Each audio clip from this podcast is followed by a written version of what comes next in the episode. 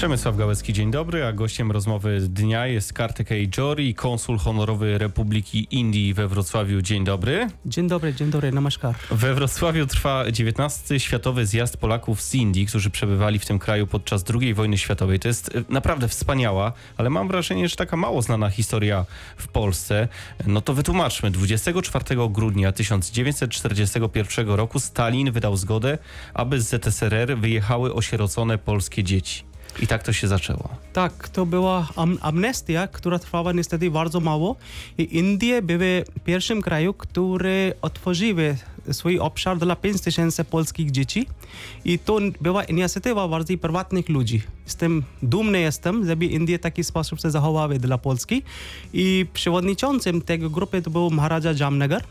Digvijay Singh, który był zarażony z Polską w 1920 roku, jak on mieszkał e, w Szwajcarii jako dziecko i swoim stryjem. I książęciem ich był pan Paderewski. Ten Paderewski. Tak, Ignacy Paderewski, który on, często oni się spotykali i Paderewski odpowiadał tego e, Maharaja bardzo dużo o Polsce. I, stąd on się zakochał Polskę i pierwszy jako przewodniczący tych Maharajów on zaprosił tych 5 tysięcy dzieci. Bo sytuacja tych dzieci była absolutnie tragiczna. Powstał e, jeszcze na terenie ZSRR przy granicy z Iranem taki polski sierociniec, do którego trafiały wszystkie dzieci e, ze Związku Radzieckiego, ale warunki życia były fatalne dla tych dzieci. E, te dzieci były wygłodzone, no, wiele z nich zmarło w trakcie transportu. I wtedy prywatny człowiek, ten Maharacza, postanowił zap że zaprosi tych ludzi do siebie. Tak, prywatnie. On, tak, prywatnie, e, bo rząd angielski nie był e, przechylony, żeby zaprosić tych polskich dzieci do Indii. Bo on wszystkich maharajów, które były w Indiach, stworzył taką zasienie e, dla, dla polskich dzieci, które oni płacili kończe pieniądze każdy adaptował jakieś dziecko i w taki sposób postawiły tam dwa ośrodki. Jeden to, gdzie Maharaja był, na stan Gujarat i drugi był e, inny stan, gdzie Maharaj prawie 5 tysięcy dzieci tam mieszkały i w bardzo szybkim tempie, w ciągu 3 miesięcy budowano całe miasto. To było całe osiedle wybudowane. Całe osiedle. Wyczytałem, że dzieci, gdy wjechały po tej bardzo, bardzo ciężkiej podróży, e, zobaczyły polską flagę na maszcie. Tak, polską flagę popatrzyły i, i te, te osiedle e, wszystko zabrały. Ona była szybko budowana szkoły, straż pożarna, szpital, wszystko, co jest potrzebne, sklepy i, i, i, i, tak samo ta lokalna e, społeczność bardzo chciała, żeby te dzieci tam były i nawet e, oni bardzo pomagali tych dzieci. Ale dlaczego oni chcieli, żeby przyjechały polskie dzieci, 5 tysięcy polskich dzieci bez rodzin, trzeba tymi ludźmi się opiekować, szkoła, lekarz, zapewnienie domów. To jest i wielki wysiłek finansowy, ale też życiowy. Opieka nad taką wielką grupą dzieci z obcego kraju. Dlaczego ci ludzie chcieli to zrobić? Wydaje mi się, Indie takie są i wtedy były takie, i dzisiejszym też są takie, żeby pomóc innym.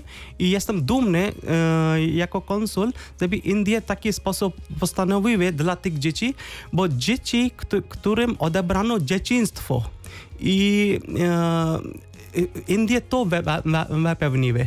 Tam te nanie, które im się opiekowały, to do dzisiaj te panowie pamiętają te nanie, które występowały ich, ich mamy czy rodziny.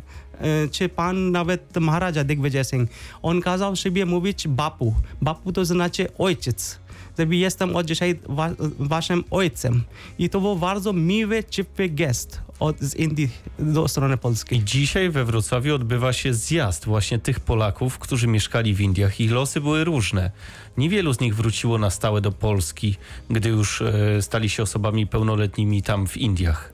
Tak. E, e jak Europie była spokój około 48 roku, wtedy one tylko 10% ich wróciło do Polski, e, bo one pochodziły z takim regionie, które już nie było Polski, które zabrało ZSRR i one wjechały na cały świat. One są w Stanach, czy Ameryka Południowa, czy Australia, czy Afryka, one pojechały na cały świat. I te ludzi, one są co dwa lata, to się nazywa koło Polaków, się spotykają. Niestety ich coraz mniej, ale one jak się spotkają, ich łączą Indię I one wtedy ten czas przypominają, który spędziły w in- Indiach. No właśnie, jak to, jak to wygląda to spotkanie? Bo udało się panu ściągnąć do Wrocławia około 50 osób, które y, były właśnie w tej pierwszej grupie, czyli te sieroty, które trafiły do Indii, e, teraz mieszkają na całym świecie, mają blisko 90 lat pewnie, a niektórzy może i ponad. 50 osób przyjechało do Wrocławia.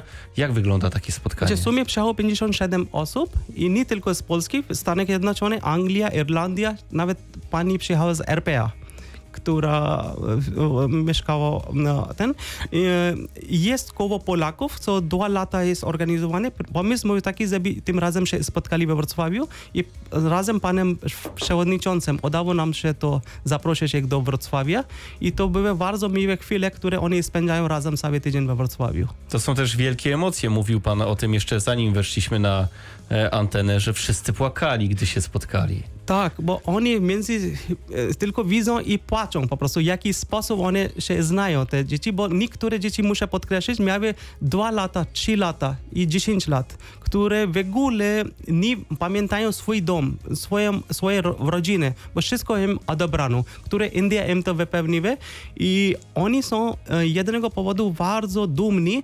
Indie miały niepodległość 15 sierpnia 1947 roku i wiel, wielu z nich pamięta indyjski hymn i, i byli bardzo dumni, e, taki sposób mówiąc, że my staliśmy razem Hindusami, jak Indie dostały niepodległość i oni czekali, kiedy Polska dostanie, wtedy my wszyscy pójdziemy do Polski.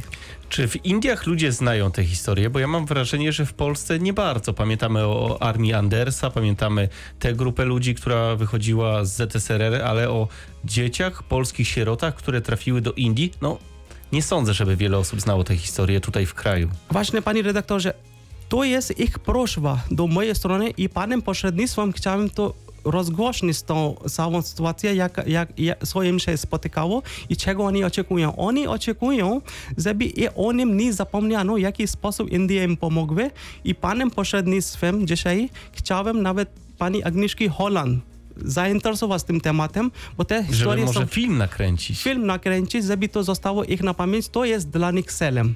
No właśnie o to miałem zapytać, jakie są ich marzenia? Ci ludzie mają po 90 lat e, i pewnie jakieś marzenia pozostały. Chcieli przyjechać do Polski, e, trafiają do Polski na zjazd, to już 19 zjazd, ale są też inne marzenia i to jest ta historia, tak, żeby pozostała. Ich marzenia są podziękować, tak jak ja bardzo odgrzęcam do Polski, taki sam sposób oni są bardzo um, e, odgrzęcam do Indii. Oni bardzo chcą podkreślić, oni na, siebie nazywają Indians, to znaczy Hindusi. E, Siebie, oni wszyscy to, to nazywają. Nawet słyszałem, że żartobliwie mówią polscy Indianie o sobie. Polska Indianie, tak jest, tak jest. Oni nazywają tak, tak, taki sposób, nie?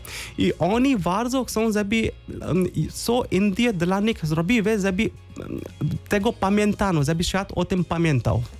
A czy w Indiach ludzie o tym pamiętają, o tej historii? To jest wielki kraj Indie.